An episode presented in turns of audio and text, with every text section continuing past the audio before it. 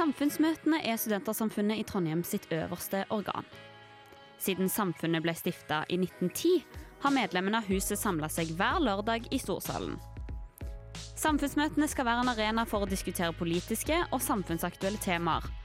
Og i Storsalspodden så klipper vi bort de litt kjedelige og formelle møtegreiene, og gir deg juicen fra Storsalen rett inn i øret ditt. Mitt navn er Astrid Midthun, og jeg er medlem. Velkommen til en ny episode av Storsalspodden, og velkommen til deg, Sunniva. Tusen takk. Nå skal vi snakke om eh, et samfunnsmøte som var i forbindelse med eh, kvinneuka på Samfunnet. Mm. Altså eh, kvinnens temauke i forbindelse med 8. mars. Ja. Og det møtet het 'Hvis kvinnen var standarden'. Mm. Hva er tanken med det, den tittelen der? Ja, eh, vi ville på en måte se på litt de strukturene og det systematiske som er i samfunnet der eh, det er eh, både mannen sin kropp innenfor helse det blir forska mest på, har blitt forska mest på. Eh, bare sånn på eh, studentersamfunnet så um, er det Prøver vi å ha jevn kjønnsbalanse på hvem som er å snakke på samfunnsmøte og på talerstolen og alt. Men det er ikke så lett sånn no, når jeg jobber med å booke innledere og folk til å være med på samfunnsmøtene, så må jeg gjøre en ekstra innsats for å få tak i eh, kvinner. Og det er både fordi at de henviser til mannlige kollegaer eller andre til å være en bedre ekspert, men òg kanskje fordi at jeg må overbevise dem litt om sin egen kunnskap og ekspertise, da. Mm. Ja, eh, det er jo eh, handler jo sikkert om på en måte hvem som eh, eh, får beskjed om at deres eh, kompetanse eh, eller sånt er verdifull, da. Og at eh, kanskje sånn kvinners opplevelse blir ja, hva skal man si? Ikke like verdsatt eller like løfta fram. Em, jeg syns det var et veldig, veldig spennende tema. Eh, og eh, jeg og deg diskuterte jo litt eh, i forkant av, av dette her møtet.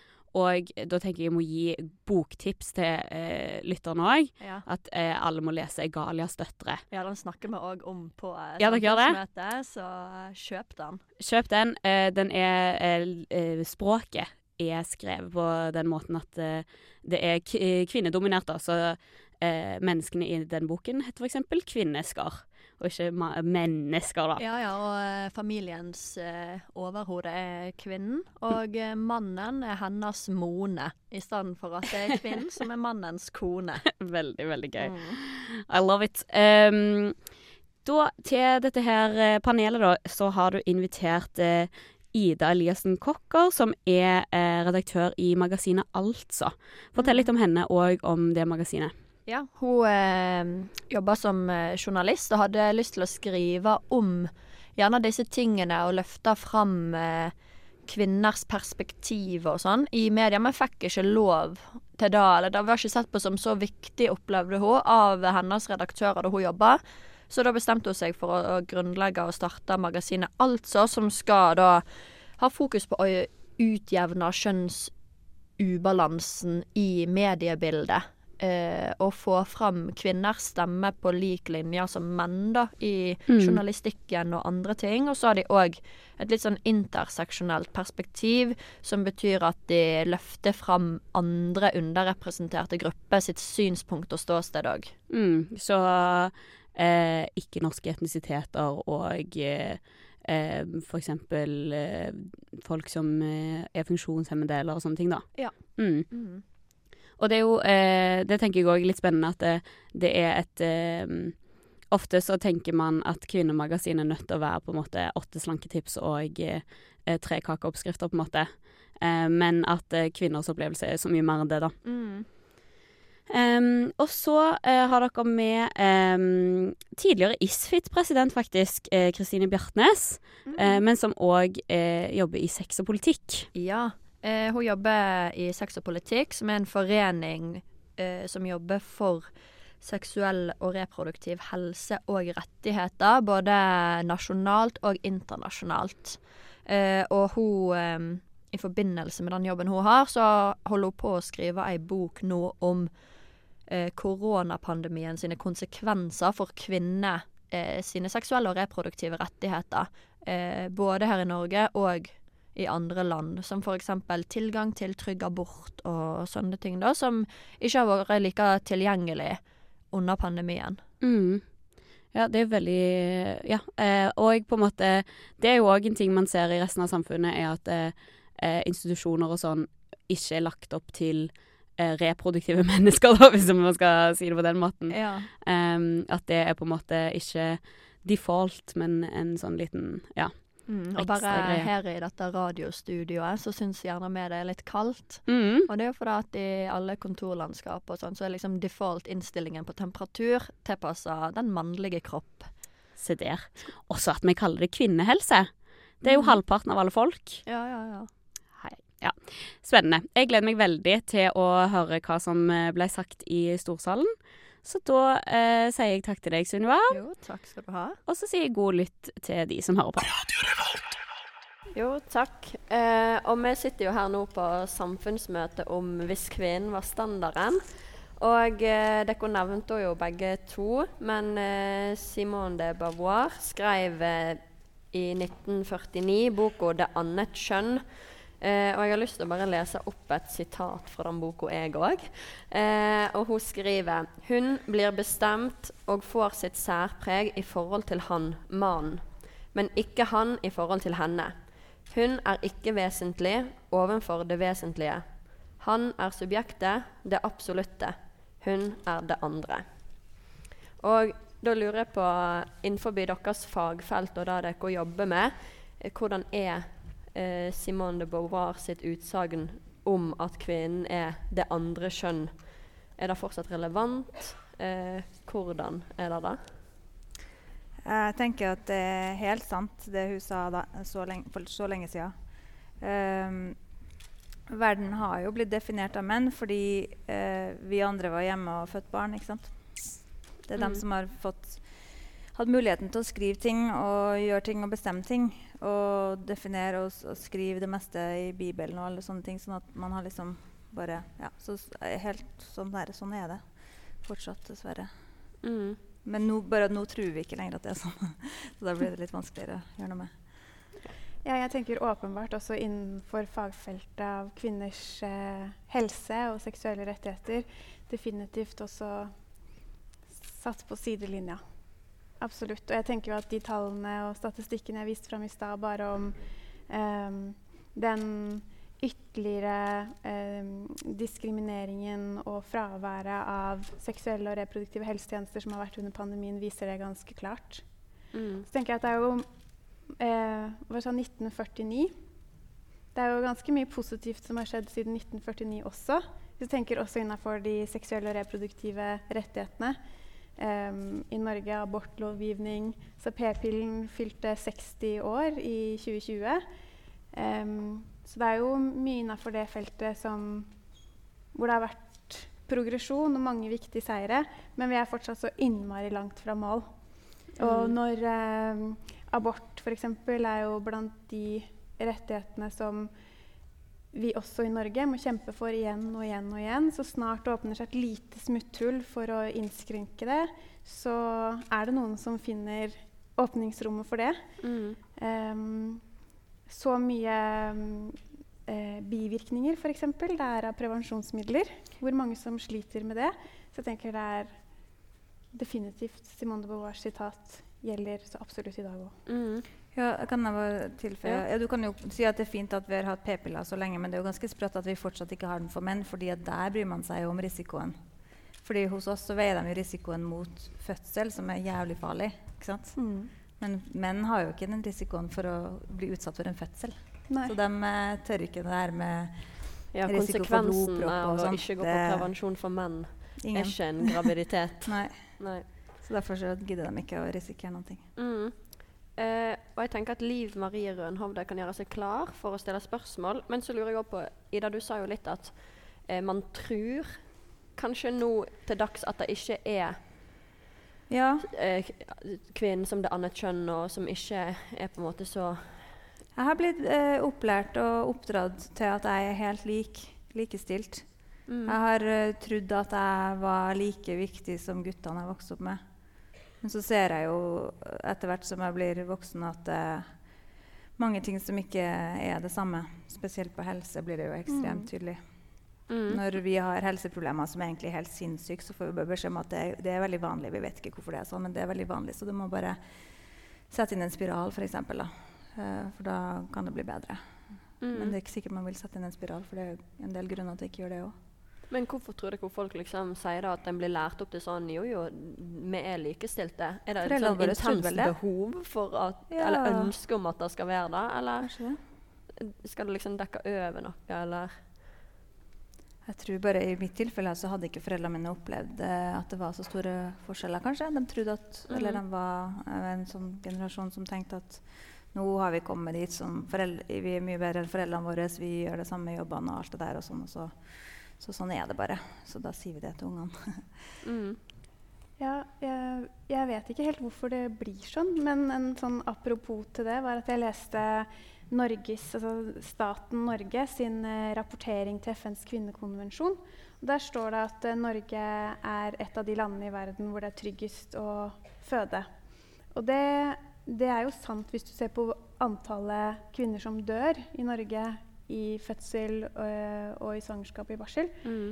Men det var, kjentes litt provoserende å lese den setningen nå under pandemien når vi ser hva slags opprør som har funnet sted i Norge det siste året. Eh, fra bunadsgeriljaen og ikke minst barselopprøret nå, Ja. som vitner om at eh, det står skikkelig dårlig til i norsk eh, særlig barselomsorg. Mm. Em, så jeg tror vi liksom lever på et sånt bilde av at eh, jo, men vi er best i verden på kvinner og på likestilling. og Sitter og Mhm. sammenligner oss med andre, Ja. og så tenker vi at vi selv er best. Mm. Um, og jeg leste um, eh, boka til Marte Eielsen om p-pillen. Eh, og som handler om at p-pillen feira 60 år, som jeg sa i stad. Og i den så har hun noen gode poeng som handler om det der forskjellen på Eller avgjørelse eh, Vurderingen på hvor takknemlig skal man være for de rettighetene vi har oppnådd, og hvor mye sint og forbanna man skal være. Ja. Eh, hvor hvor eh, hun hadde gjort intervjuer da, med kvinner som var nå pensjonsalder, og som snakket om eh, hva for en frigjøring p-pillen var. Eh, og det å kunne ha sex uten å bli redd for å bli gravid, ha sex for nytelsens skyld uten Mm. den bekymringen. Så var det gjort et intervju med en, en kvinne som var i slutten av tenårene, og som sa jeg gidder ikke å være takknemlig for det. Her sitter jeg med en kropp full av bivirkninger av p-piller. Mm. Det gidder ikke jeg å være takknemlig for. Som jeg syns var en sånn god avveining, eller en ja, Ja, ja. viser et bilde på det. Mm. Jeg tenker at Liv kan få stille sitt spørsmål. Hallo, jeg heter Liv, og jeg er medlem. Eh, til vanlig så er jeg med i debattkomiteen her på huset. Og du sa noe veldig interessant i den første innledningen om at det kan være litt vanskelig å få tak i damer. Få damer til å uttale seg, komme på debatter. Det har vi opplevd. Og i den forbindelse så lurer jeg på hvilke råd har dere? Sånn at man kan klare å få tak i de dyktige damene der ute når verken Google, kollegaer eller direkte henvendelser er til hjelp alltid. Du tenker at du. Har du funnet dem, men de sier nei, eller? En kombinasjon av at de sier nei, eh, henviser til andre, kanskje ofte mannlige kollegaer, og at når det spørres etter anbefalinger fra folk i bedrifter eller politikere osv., så, videre, så sier de ja, jeg kan komme med en anbefaling, og så slenger de inn eh, tre menn i anbefalingen. Så jeg spør Eh, konkret etter kvinnelige kollegaer av deg, og da dukker det opp noen. ja. Men hva bør vi gjøre Jeg tenker Det er veldig mange redaksjoner som har blitt skikkelig bevisst og flinke på det. Sånn som i de store i NRK f.eks. Så det går jo kanskje an å spørre dem om råd faktisk, på helt konkrete ting. Om de har funnet eksperter som de kanskje har snakka med, men kanskje ikke fått frem på skjermen. eller noe enda likevel. De har sikkert masse sånne lister hele tida, tror jeg.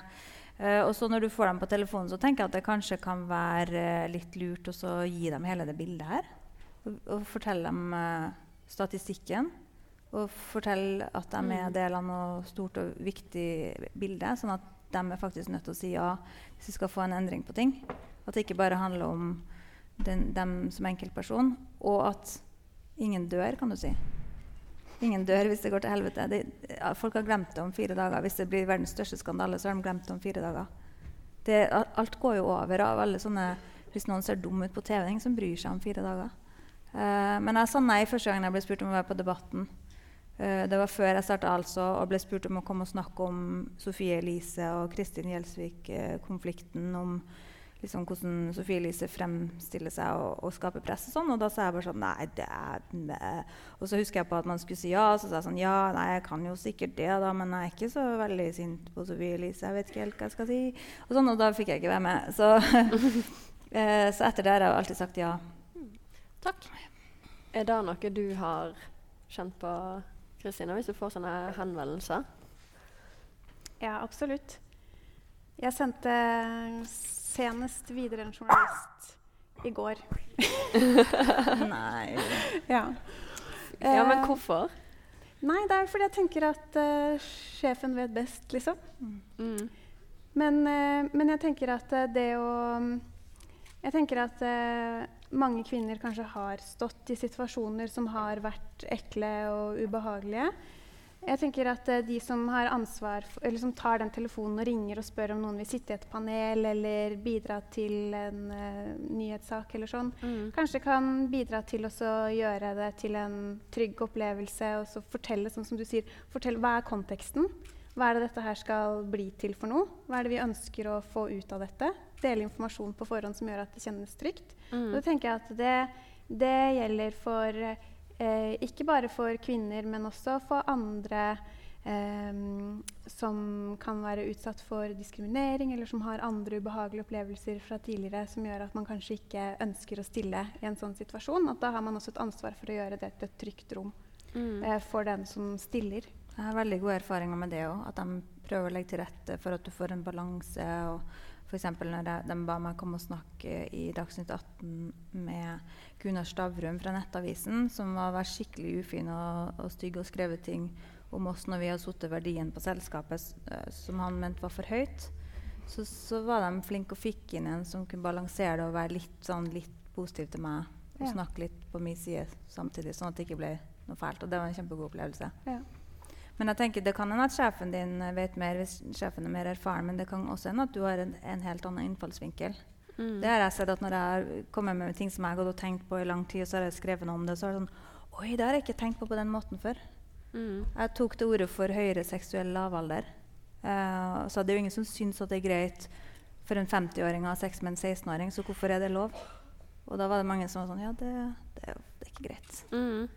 Men det er ingen som har sagt det før, liksom. Men tror dere det kan handle litt om det òg? At en ikke tror at sitt perspektiv eller sin, eh, sitt syn på ting er relevant nok? Jeg tror absolutt de fleste tenker på. Absolutt, ja. Ja. Det som skjedde i denne, dette tilfellet, her, da, var at sjefen faktisk sendte det tilbake til meg.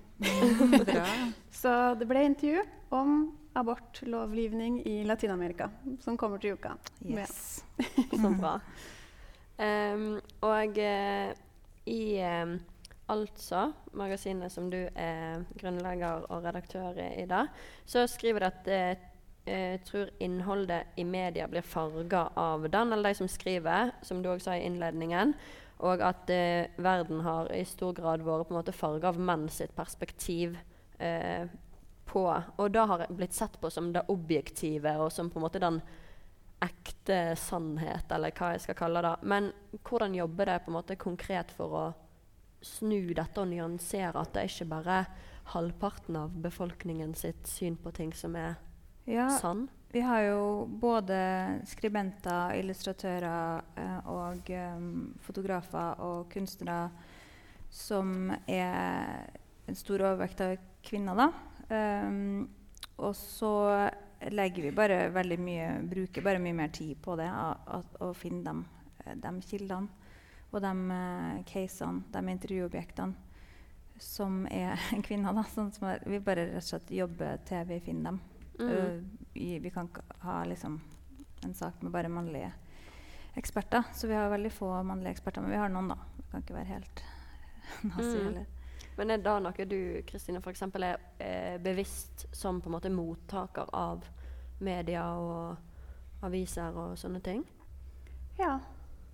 Men jeg synes, eh, og det vet jeg ikke om jeg fordi jeg har eh, begynt å jobbe mer med dette feltet de siste årene, men jeg synes jo nå at det er eh, mye i mediene som omhandler kvinnehelse om dagen, og særlig dette med, med barsel og jeg tenker Det er jo mye positivt også som skjer, men det er jo kanskje nettopp fordi det har blitt etablert sånne eh, plasser som Altså, da, f.eks. Jeg tror faktisk at det har hjulpet litt. Altså mm. at, at, det har, um, at det er flere At vi er ganske synlige innad i, i media. Ja. At det faktisk påvirker dem litt. Uh, vi har jo holdt på siden 2019, men tallene mine var, var jo fra 2021. Altså det her med 29 ekspertkilder. Ja. Det er altfor lavt. Mm. Mm. Og eh, jeg har jo sett òg at på en måte kvinner sine opplevelser og beskrivelser av ting, både i litteraturen og sånn blir sett på som ikke interessant, hvis det er liksom en beskrivelse av det kvinnelige sinn, så er på en måte Da blir det ikke verdsatt på samme måte som hvis det er liksom eh, Knausgård som beskriver Mm. Knausgård, ja. sinnet, f.eks. Ja. Mm. Eh, men hvordan skal man klare å gjøre liksom generelt den kvinnelige beskrivelsen og opplevelsen og de kvinnelige tankene på en måte verdifulle og relevante? Det handler bare om hvem som, hvem som leser og ser og bestemmer, da. Mm. Det er jo verdifullt og relevant. Det er bare at det er flere mannlige redaktører som bestemmer hva som skal bli anmeldt osv. Ja. Eh, tenker jeg, da. Mm. Jeg var på mm, likestillingskonferansen på onsdag i Oslo, som eh, eh, Kultur- og likestillingsdepartementet og Bufdir arrangerer. Mm. Eh, og temaet for likestillingskonferansen i år det var metoo fem år etter. Og i det ene panelet der så satt eh, Kamara Lundstad Joff, som er dramatiker på Nationaltheatret. Og de også snakket om disse enkeltfortellingene, og som til sammen dannet metoo-opprøret. Og at det var eh, Når alle disse stemmene ble samla, enten det var fra teaterbransjen eller fra andre, så fikk det jo en, en helt annen kraft. Og også når man så at eh, OK, jeg er ikke alene. Men hun, eh, Lundestad hun hadde noen interessante betraktninger om det med eh, den enkelte kvinnen som står fram og forteller sin historie, enten om det er om trakassering og diskriminering på arbeidsplassen, eller et møte med helsevesenet når man har en endometriose eller en fæl fødselsopplevelse, så, så er man vanvittig sårbar. Eh, stiller seg laglig til for hugg eh, når man deler den historien som en enkeltperson. Eh, og at det er mye eh, ansvar også å gi over på en enkeltperson som allerede har stått i en sårbar situasjon. Mm. Men så er vi så avhengig av det. For det, finnes, det, er så, det er så få fortellinger som fins. og det er for lite forskning. Mm. Særlig på kvinnehelse og på erfaringer, kvinners erfaringer. Um, både, ja, alle disse eksemplene jeg har sagt. Ja, Endometriose er jo helt vilt at ikke det har vært kjent før de siste liksom, to årene. Er det mange her som vet hva det er? Endometriose? Rekk opp hånda. Sant? Nå vet alle hva det er. Jeg har hørt om det første gang for noen få år siden. Og Mm. det er en helt sinnssyk sykdom som er he Mm. helt vanvittig vanlig. At ikke man visste om det, at ikke man gjorde noe med det. Til og med Hadia Tajik had, har det og har ikke sagt noe før nå. på en måte, For hun har sikkert følt at liksom, det var veldig privat og sånne ting. vil jeg tro. Jeg har trodd at det er noe som er unormalt med Ja, seg sjøl. sikkert ikke visst hvor vanlig det var heller. sant? Mm. Men uh, det her med metoo så er jo også et veldig godt eksempel på det. At, uh, og det er jo den, eh, den uh, kampen som jeg har tatt opp innenfor Redaktørforeninga, at det med at voldtektshistoriene kan ikke fortelles. Mm. For det er ikke lov, ikke sant? Og da kommer man ikke så langt. Uh. Helse kan man alltid snakke om, men det er tungt nok. Det er vanskelig Mm. nok å stå frem om private ting. Men hvis du skal fortelle at du har blitt voldtatt, så må de ringe opp den personen som du mener har gjort det. da. Mm. Og det er jo ikke særlig aktuelt for de fleste. Og da, da blir det ikke fortalt. Mm. Da skal du, da skal du anonymiseres, du som kilde også. Ja. Og da tenker jeg, da legger du bare mer skam på hele greia igjen. Mm. Istedenfor å gå riktig vei. Så det, der vil jeg rett og slett forandre Vær varsom-plakaten. For det, det er masse historier som må fortelles. Ikke bare sånn som det har vært gjort gjennom metoo. Mm. Så langt. Vi har fått inn et uh, anonymt uh, spørsmål som eh, Julie skal ta og lese opp. Og så vil jeg bare minne på dere i salen om at det er bare å komme og skrive seg opp på talerlista hvis du har noe du har lyst å stille og spørre panelet om. Gjerne kritiske spørsmål. Jeg tar i hvert fall den. Jeg skal ikke si det til deg, men jeg kan. Da kan du få stille spørsmålet, Julie. Ja.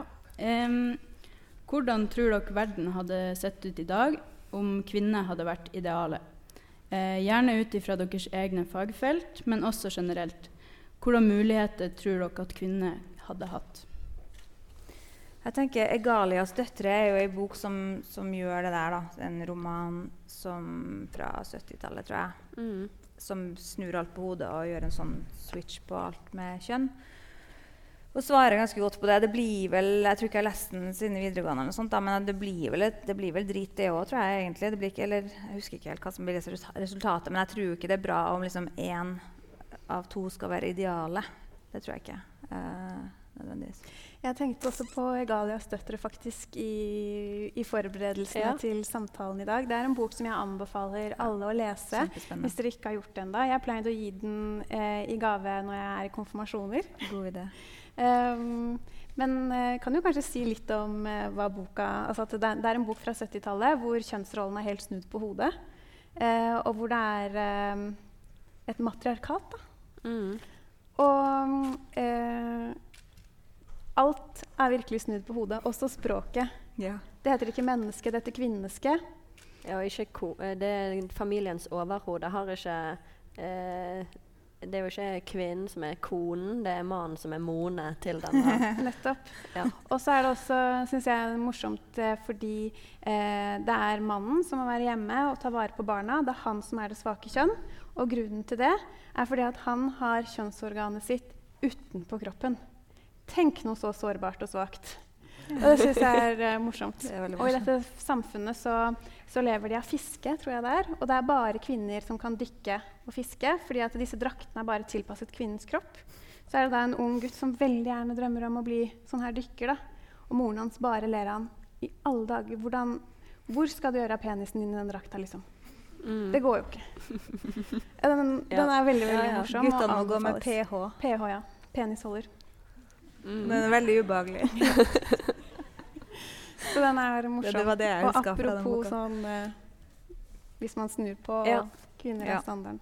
Mm. Ja. Men det har jo kanskje vært sånn, hvis en ser på feminismen før og nå, så var det kanskje før litt sånn i grove trekk at eh, kvinner skal gjøre det samme som mannen, men at det nå heller, eh, sånn som jeg opplever det, har begynt å gå til mer sånn hvordan kan vi tilpasse ting til kvinners biologi og eh, ja, alt som er at eh, i stedet for at eh, det ikke skal være noe tilpasning, så er det mer fokus på det nå.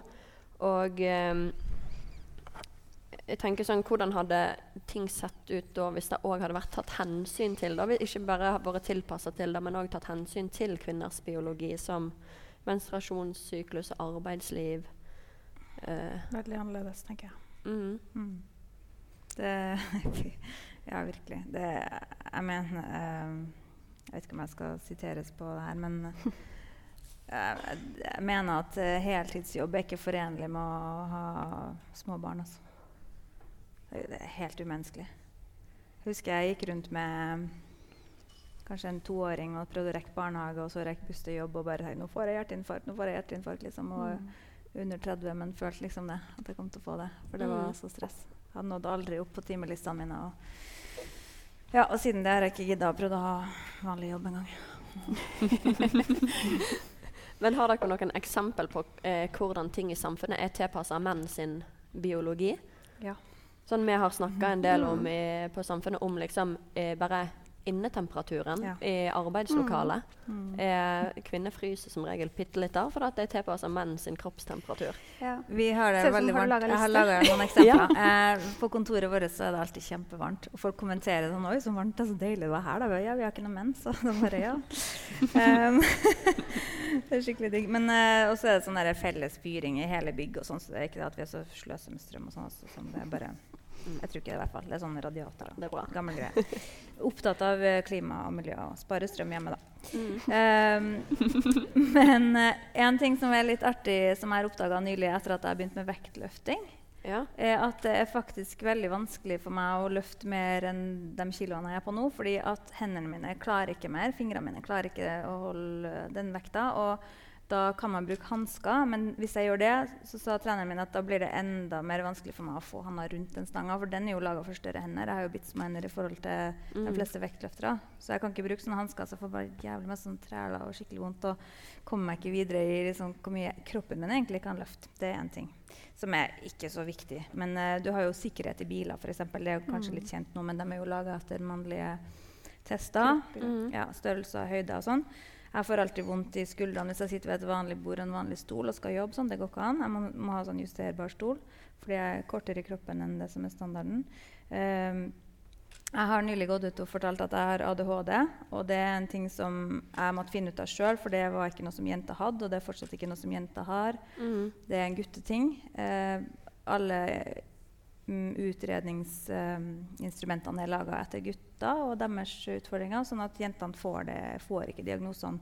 Eh, i, eh, sånn det, det, er sånn, det er like mange voksne menn og kvinner som bruker ADHD-medisin, men det er bare halvparten jenter som gutter som har diagnosene da, som barn. Så det tenker jeg betyr bare at de ikke blir oppdaga før de blir voksen. Mm. Um, eh, hels, flere helseting eller flere andre ting som Gatenavn er jo etter menn. Jeg tror det var 90% av gatenavnene i Bergen som var etter menn. Jeg så nå har de eh, bestemt at Ny eh, lov, ja. Skal ja, det bare skal være Mm. damenavn som blir nye gater Mm. nå. Jeg tror det er 90 av omsetninga litt usikker på tallet her, men uh, mannlige kunstnere tjener aller mest, altså tjener mye mer enn kvinnelige kunstnere. da. Mm. Eh, det er sikkert mange flere kvinnelige kunstnere, men det er mennene som tjener pengene på det. For det er også mennene som har pengene til å kjøpe kunsten og samle den. ikke sant? Og da Mm. gjør man det etter dem som ligner mest på seg sjøl, tenker jeg. da. Ja. God liste. Takk. Biografier også sju av ti ti uh, menn. Mm. Statuer. Ja. Mm. ja. Kvinnelige statuer har vel ikke klær, stort sett. Nei. ja, men det er sånn. Ja. Ikke sant? Ja. Jeg har tenkt selv på eh, landbruksmaskiner. Ikke at jeg gjør det så veldig ofte, men eh, familien har et småbruk. Mm. Der er det en sånn tohjuling til å så slå jordet. Det kan jo hende at det bare er mine byhender som ikke klarer den maskina. Men hendene mine er rett og slett for små for å klare å holde inn gassen og løfte opp samtidig. Tenke Og så har jeg også lurt på i det siste er iPhonen litt for stor? Ja, den store er altfor Ja, stor. Jeg må få meg en sånn liten en. Men uh, jeg har også tenkt på om uh, små damefingre egentlig er uh, for små til disse iPhonene. Mm. Mister den hele tida. Mm. Det er mange eksempler. Ja, ja. Mm. Eh, jeg tenker Julie kan stille neste anonyme spørsmål, men så vil jeg først bare sette ordet over til Fredrik. Ja, jeg, jeg skal foreslå at vi stenger talerlista om eh, tre minutter, altså 1917. Det er fortsatt mulig å melde seg til talerlista før det. Er det noen innvending mot det? Hvis ikke, så ber jeg storsalen godkjenne ved en kort akklamasjon. Tusen takk. Det var det. Da er ordet ditt igjen, Julie. Yes. Um, under pandemien så har det jo vært sånn at veldig mange kvinner ikke har fått mulighet til å ta med partneren under fødsel. Um, tror dere at det hadde vært ført en annen politikk på akkurat det dersom det var mannen som sto for fødselen? Har du noen tanker der, eh, Kristine? Ja, godt spørsmål. Um, kan jo tenkes det. Ja, jeg, jeg kom akkurat til å tenke på noe at det har jo ikke vært altså, Ved dødsfall og sykeleie og sånn, så har jo ikke noen fått komme inn heller. Nei. Og det er jo minst like grusomt sikkert å ikke få ta farvel med folk når de dør. Ja. Og det er ikke kjønnsbasert. Nei. Um, og så har jeg faktisk også lært uh, i dette skrivearbeidet at Mm. um, det har jo også allerede vært uh, restriksjoner på um, muligheten til å ha med partner på hele fødsel. Mm. På barselavdelinga. F.eks. hvis kvinner blir satt i gang, at fødselen blir satt i gang, Mm. så må partner hjem. Da kan ikke partner være der utover besøkstiden. Så det har allerede vært egentlig begrensninger på dette eh, lenge. Så det er bare nå når det har blitt kanskje enda mer ekstremt, at det har blitt opplyst Ja, det har i hvert fall egentlig. blitt eh, retta mer fokus på det. Mm. Mm. Så det har allerede vært eh, dårlig, dårlig tilbud fra før. Altså, nå er det like før jeg skriver min fødselshistorie offentlig, jeg òg. Altså. Det er det. desidert verste jeg noen gang har vært med på. Er det? Ja, ja. Men jeg har liksom tenkt at det er litt for å ikke skremme hele verden fra å få barn. Altså. At jeg ikke har sagt noe. Mm. Ja. Ja, det var, jeg ville dø, liksom. Og, og barselopprøret, de historiene de har samlet på sine nettsider, Mm. det mm, Jeg vil anbefale folk å gå inn og kikke på Varselopprøret sine sider og sin Instagram-konto, egentlig. Norge burde klare bedre enn det der, tenker jeg. Så definitivt. Mm. Det er eh, skremmende hvor mange eh, grusomme historier som kommer inn. Ja. Jeg grein meg til å få være på sykehuset i fire dager. eller noe sånt, da. Så Mm. man skulle ha dratt hjem etter to, kanskje. Men uh, det var jeg på ingen måte klar for. Og nå skal jo folk ut samme dag, liksom. Ja. ja, de kutter ned på liggetida etter, etter fødsel. Og ammeveiledning er ikke godt nok. Det er eh, begrensa hvor mye man kan ha med partner, eller valg av en annen støtteperson. Mm. Um, også under pandemien så er det jo sånne ting som også hjemmebesøk har jo i noen tilfeller blitt utsatt og avlyst. Um, barselgrupper har jo ikke kunnet uh, settes i gang. Um, også ammeveiledning. Mange eksempler på at det også har blitt verre under pandemien. da. Men det var dårlig fra før. Men er det deppa? Kan vi, er, det, kan, er det noe positivt vi kan ta opp? ja, vi kan ta neste spørsmål. Det er fra det- Cha er det? Charlie, men Julie leser det opp. Mer igjen. positivt spørsmål. Spørs. Eh, ja, dette spørsmålet er fra Charlie. Um, hvordan kan man bekjempe kvinners mangel på plass i samfunnet og målinger? Em, det er vel ikke realistisk å komme til en løsning i vår livstid? Kvinners plass i samfunnet. Eh, ja. Men hvordan komme til en løsning på kvinners Eh, hvordan bekjempe kvinners mangel på plass i samfunnet? Ja. Ja, De sier vel at det tar 200 år hvis vi fortsetter på det her uh, i den farta her. var det ikke det? Mm. 200 år ca. Så da må vi bare full skjerpings på alle fronter. Ja, hva skal man gjøre? Jeg tenker jo at Vi må jo engasjere oss alle sammen. da. Ja. Og det er jo positivt å se at det er mer eh, engasjement og mer ting som blir tatt fram da, i media og sånn om endometriose, barselopprøret. Ja, det er jo veldig positivt. Sånn som å se hvordan altså har blitt mottatt, f.eks. Mm. At det var liksom At så mange hadde venta på det og heisa på det. Og vi har jo rundt uh, 9000 abonnenter nå.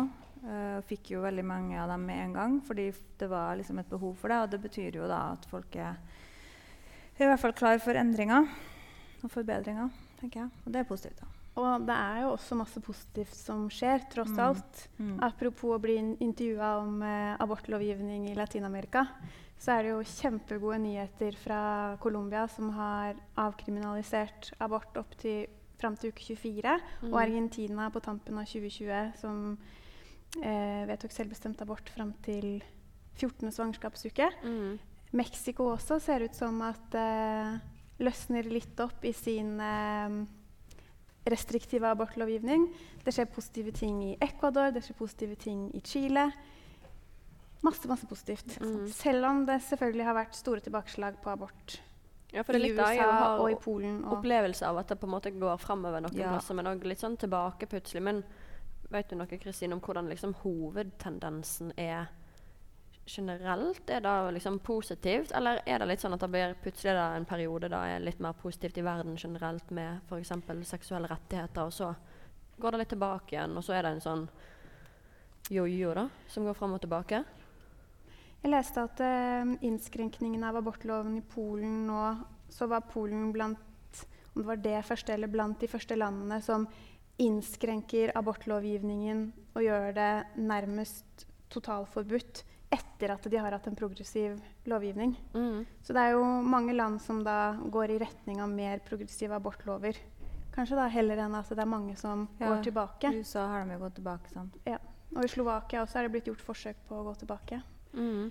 Um, men um, men um, uh, hos oss, altså for oss som jobber med seksuelle rettigheter, så er det eh, et, eh, en eh, avtale, et dokument, som ble inngått av alle FNs medlemsland i 1994, som heter Kairo, Kairo-erklæringen, eller Kairo, en handlingsplan da, som kom ut fra et stort møte i FN på begynnelsen av 90-tallet. Mm. Og det er, står seg fortsatt som de all, det aller mest progressive rammeverket for kvinners rettigheter. Eh, seksuelle rettigheter særlig, sammen med denne Beijing-erklæringen som kanskje noen har hørt om, som kom året etterpå. Og det er da snart 30 år siden eh, Vi feira liksom 25-årsjubileet for disse rett før pandemien og helt i starten av pandemien. Snart er det 30 år siden disse avtalene ble inngått. Og det har ikke skjedd noe framskritt sånn i FN-systemet. Eh, og enighet og konsensus blant FNs medlemsland om å ta agendaen videre derifra. Mm. Og jeg blir 30 i år. Det er, nesten, altså det er egentlig hele min levetid. Så har de ikke i FN blant alle verdens land klart å komme videre. Um, og så ser man at um, eh, globale bevegelser som er imot kvinners rettigheter, eh, skeives rettigheter, Mm. seksuelle rettigheter, de får også mer fotfeste og vinner fram. Ja. Polen er jo eksempel, Ungarn er et annet eksempel. Mm. Med transnasjonale bevegelser som aktivt går inn for å sabotere og ødelegge. Også sånne forhandlinger i FN. Jeg, ofte, jeg har vært med på um, FN, fulgt med på FNs kvinnekommisjon de siste årene og fikk lov, anledningen til å være der én gang før pandemien. Eh, og en fortelling jeg pleier å, å fortelle fra kvinnekommisjonen, var da om motstandere av abort og kvinners rettigheter. En organisasjon som heter Citizen Go. De holder til i Spania, tror jeg, men de har medlemmer fra overalt. Mm. De leide en svær buss som de folierte med et eh, embryo. Eh, et lite foster. Eh, og så kjørte de rundt på Manhattan, sirkla rundt FN-bygningen med den bussen, med sånn eh, tekst om at du kunne gå inn og signere eh, kampanjen deres. Um, og så kunne man gå inn der og signere, og da kunne man velge visstnok om man ville sende signaturen sin direkte til hun som satt og ledet forhandlingene i FNs kvinnekommisjon. Uh, hun var fra Kenya. Og hun måtte avbryte forhandlingene uh, og kjøpe seg en sånn burn-phone fordi hun ble så trakassert av alle de meldingene som kom inn om at eh, Mm. knyttet til abort. Ja. Og dette her er en eh, organisasjon og en bevegelse som er forankra i veldig veldig mange land rundt omkring i verden, og hvor det særlig er eh, Vatikanet og katolske land som er de som, er mest, ja, som bidrar mest økonomisk inn til disse bevegelsene. Mm. Vi har eh, en del spørsmål som er anonyme, som Julie skal lese opp. Så vi får prøve å svare litt kort eh, på deg, Så kan vi ta en liten Julie leser opp anonyme spørsmål-bolk. Skal jeg lese opp alle, eller? Ja, vi må ta svar innimellom. Ja. Em, ok. Uh, interseksjonalitet ble nevnt som et tema for samtalen. Uh, så spørsmålet er da hvordan kan man snakke om kvinnehelse uten å ekskludere transpersoner? Eh, og spesielt med tanke på transmaskuline som kan identifisere seg som menn, men samtidig også bli gravid. De har ofte et behov for gynekologisk hjelp og blir ofte usynliggjort når det gjelder reproduktiv helse. Preventiv. Så siste, nest siste, så preventiv kvinnehelse? Nei, eller? Eh, de blir ofte usynliggjort når det gjelder reproduktiv helse. Reproduktiv. Jeg, jeg hørte ikke det. Usynliggjort når det blir snakk om reproduktiv helse. Ja. Mm. Det her kan vel du en del om? um, jeg tenker jo at man bare er nødt til å snakke om det. Uh, og også gi plass til uh, transpersoner i spørsmål som handler om seksuell og reproduktiv helse. Og, at, uh, og adressere det. Mm. Enkelt og greit. Mm. Um, Sette det på agendaen og ja. Ja. Mm. Ja, vi hadde jo em, en transperson på forrige coveret vårt. Og vi, vi, når vi sier at det er et magasin som handler om kvinner, så mener vi jo Og vi gidder ikke å si det engang, men vi mener folk som identifiserer seg som kvinner. Og Mm. vi har fått uh, Vi fikk i hvert fall én mail fra noen som ikke ville abonnere lenger, da, når vi hadde en transperson eh, Ja. intervjua og portrettert. Uh, men det ja, det er sånn vi forholder oss til det, i hvert fall. Mm. Um, Mm. snakk om det. Ja. Ja. Snakk om det, inkluder, inviter stemmer inn, Mm. og skap trygge arenaer hvor det er uh, mulig for transpersoner å fortelle om sine behov og sine erfaringer. Og så må vi gjøre noe med de behovene. Ja. Mm. Utfordringa for oss som magasin, som er et bredt magasin som ønsker å nå veldig mange, er jo at vi aldri kan ha ting som er ekstremt smalt. Nei. Så det er veldig ofte at liksom mine ideer ikke når frem hos redaksjonssjefen fordi det blir for smalt. Sant? Det må gjelde mange nok til at det skal være verdt å lese et helt magasin for mange nok. Ja. Mm. Så det, blir jo, det er jo veldig få det gjelder i Norge, sikkert, da, akkurat det spørsmålet, men det er jo likevel viktig. ja. Mm. Jeg tror vi tar neste spørsmål, eh, Julie, som òg er anonymt. Em, det nærmer seg 8. mars. Eh, hvordan parole har dere tenkt til å gå under? Det er to spørsmål. da. Eh, og i tillegg, eh, hvert år så klarer jo noen å bruke denne dagen til å poengtere at menns rettigheter faktisk også er viktig. Eh, kort og enkelt, hva svarer dere da? Ja. Så hvilken kan- jeg parole? begynne. Ja. Um, jeg har ikke bestemt meg for parole. Jeg har faktisk ikke engang satt meg inn i hva de ulike er. Um, vi skal lansere egen podkast den morgenen.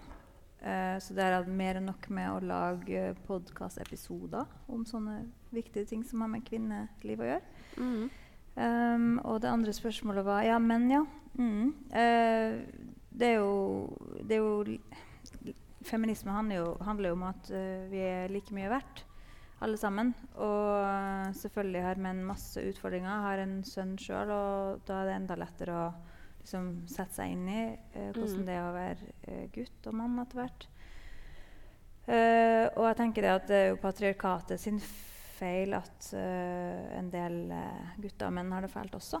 Mm. Så desto viktigere. Det er, liksom, det er problemer for alle sammen når det, når det ikke er likestilling og likeverd. Mm. Mm. Få dem til å være med oss og se at dette her er en felles kamp mot patriarkatet, som undertrykker oss alle på ulike måter. Og inviter eh, mannfolka med i toget, Mm. tenker jeg. Ja. Jeg skal gå under um, parolen som heter 'seksuelle rettigheter er menneskerettigheter'. Mm. Um, det er en um, uh, bra og inkluderende parole. Mm. Det er en av hovedparolene i um, 8. mars-toget i Oslo. Så jeg har også vurdert om å gå under parolen uh, om å fjerne abortnemndene. Mm. Men uh, den gikk jeg bak i fjor, så da kan jeg ta seksuelle rettigheter og menneskerettigheter i år. Ja. Ja. Vi skal òg gå eh, med Studentersamfunnet, og da er jo det selvfølgelig alle her velkommen til å gå sammen med oss. Eh, vi har heller ennå ikke bestemt oss for hva parole vi skal gå bak, men eh, da vil det nok komme informasjon om. Mm. Og når vi er i Trondheim her, så tenker jeg det er kanskje på tide vi flytter den kvinnedagen til litt hyggeligere vær. Er det ikke det? Ja. Det er ikke dårlig gjort at vi må ha det i mars, liksom. Mm. Ja. Sigrid Bonde Tusvik bruker å si det. Derfor feminister er så sint. Ja. Ut i eh, regnværet. Men vi må ikke glemme at det finnes en internasjonal mannsdag. Jeg tror det er 19. november. Den var jeg og feira. Var på ting Mm. og så på ting og hørte på ting. Og det syns jeg er fint at man begynner å lage mer markeringer på den. Mm. Og da tar vi neste anonyme spørsmål, ved, lest opp ved Julie. Em, hvordan ville dere prøvd å overbevise menn til å bidra for kvinners eh, saker? Eller i det minste se det andre perspektivet? Spesielt i voldtektssaker, når menn bevarer vennskap med folk som voldtar og trakasserer. Hva råder dere? Jeg har en eh, yndlingsting jeg bruker å si til Eller bruker å si jeg har skrevet en gang at eh, hvis du er mann og ikke klarer å sette deg inn i hvordan det er å bli voldtatt, for du tenker at det kanskje er å ha ufrivillig sex, og så kan du tenke at det kan være digg, eller noe sånt, jeg tror kanskje mange tenker det, eh, at du kan heller tenke deg at du blir voldtatt av en mann. Om du da kan forstå det bedre, kanskje? Mm. Jeg tenker jo at, um, at dette her er noe som vi må snakke med, med alle om fra altså Hvis jeg ser på dette ikke noen i et møte med én en enkeltmann som du skal overtale, men bare for å løfte det til liksom samfunnsstrukturen, så tenker jeg at det er noe vi må snakke med barn og unge om fra, og gutter og menn fra ung alder. Mm. Og at det er et problem at undervisning om, eh, om sex, om grenser, om samtykke, eh, om kropp er alt, altfor dårlig. Ja. Og det får store konsekvenser. Og at eh, vi som samfunn er nødt til å i mye større grad prioritere den type undervisning i skolen og helt fra barnehagealder av. Mm. Eh, Sånn som spørsmålsstilleren eh, sa det, så, t så hørtes det ut som altså, vennene som fortsetter å holde kontakt, og sånn, at, at de kanskje ikke forstår ehm, hvor ille det er. da. Det, det er en følelse jeg også Mhm. sitter med, at samfunnet ikke syns det er så farlig. Er det så farlig? ja, hvor Er det så- det er Er det så ille, egentlig? Så det, at det må snakkes mer om ikke bare at man ikke skal gjøre det, men hvorfor er det så viktig å ikke gå over grensene til folk? Mm. Og det tror jeg ikke vi forstår nok om i det hele tatt. Nei. Det må det snakkes mer om. Mm. Vi har uh, fortsatt uh, to spørsmål igjen, som er anonyme, som uh, Julie leser. Yes. Em, hva tenker dere om at mannsdominerte yrker eh, søker med teksten 'Kvinner er positivt' i utlyserteksten? Eh, syns dere at dette skal skilles på? Eh, gjelder også andre veien, hvor kvinner dominerer, som i helsefag. Ja, man må jo gjøre noe for å prøve å jevne ut og sånn, men jeg tror det, det trengs mye mer enn å skrive det i annonsen, da. Mm. Ja. Jeg tror vi i Sex og politikk har skrevet at vi ofte ønsker oss mannlige søkere og ikke-binære søkere. Og folk som kan skrive nynorsk. det har vært eh, våre rekrutteringsbehov. Men det er jo helt sant som du sier. Altså, jeg tenker at eh, Det at en arbeidsplass er klar over at her må vi gjøre noe for å jevne ut kjønnsforskjellene, det er kjempe, kjempeviktig. Men det holder liksom ikke å skrive det i en søknadstekst. Nei. Det må veldig mye mer aktivt, eh, aktivt rekrutteres enn Ja. som så. Mm. Men, eh, men jeg tenker ikke at det er noe gærent i at man aktivt eh, oppfordrer det ene eller det andre kjønnet til å søke. Det er kjempeviktig med kjønnsmangfold Mm. alle veier. Litt som kjønnspoeng på studier òg. At det er til en positiv særbehandling til et formål om mer kjønnsbalanse er oppnådd. da. Mm. Og vi hadde jo nylig en utlysning, og da gikk vi runder på det der, hvordan vi kunne gjøre det. Fordi vi hadde jo jeg kan, jeg kan si Vi ville gjerne hatt en mann, men da måtte vi ha det kaldere på kontoret. så jeg vet ikke. Eh, men, ikke så eh, lyst. Nei, men det har kanskje vært bra for oss med litt balanse. Og så hadde det vært veldig bra for oss med noen med litt mindre norsk bakgrunn enn jeg har, for, eksempel, da. for det er mange av oss som har veldig, veldig norsk bakgrunn. Mm. Så det er noe Det er et, en ting som vi absolutt ikke er gode nok på. Vi har egentlig bare litt variasjon i styret vårt. Så, men vi er jo veldig få, da. Vi er bare eh, fire årsverk, så Jeg tror vi tar siste spørsmål.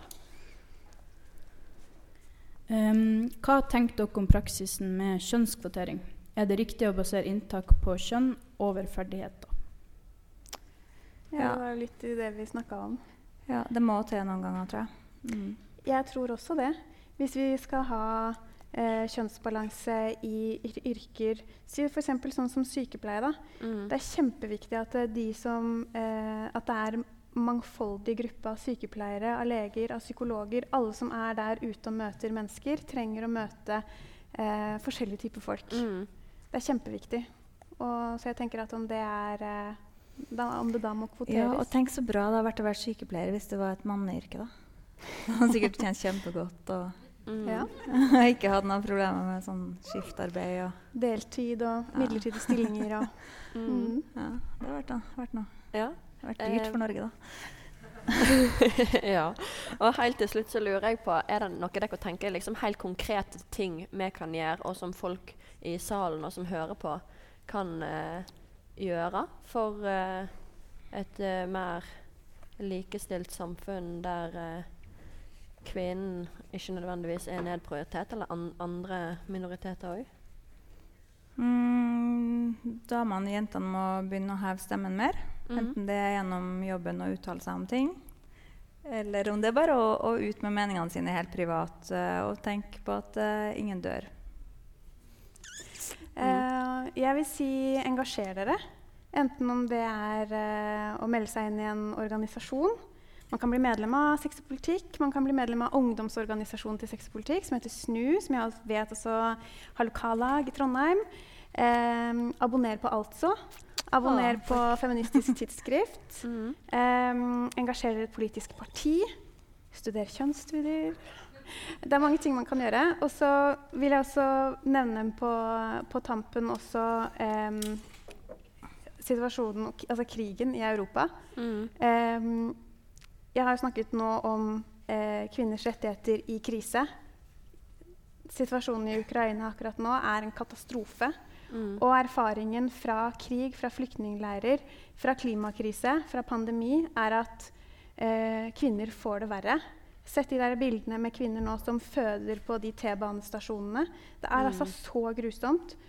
Um, så følg med og engasjer dere for hvordan og legg, ja, Vi har også nå laget eh, liste på jobb over organisasjoner man kan støtte økonomisk, da, som jobber for kvinners rettigheter i krigen i Ukraina. Mm. Så følg med på det og, og engasjer dere.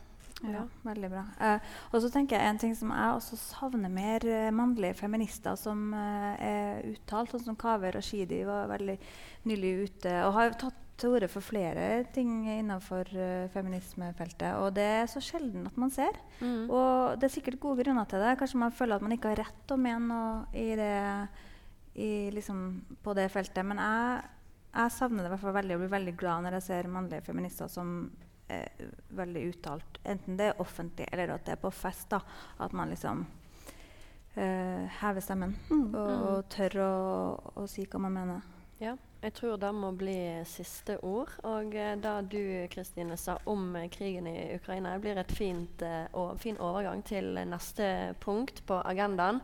Men eh, først så vil jeg at vi gir eh, Ida og Kristine en varm applaus.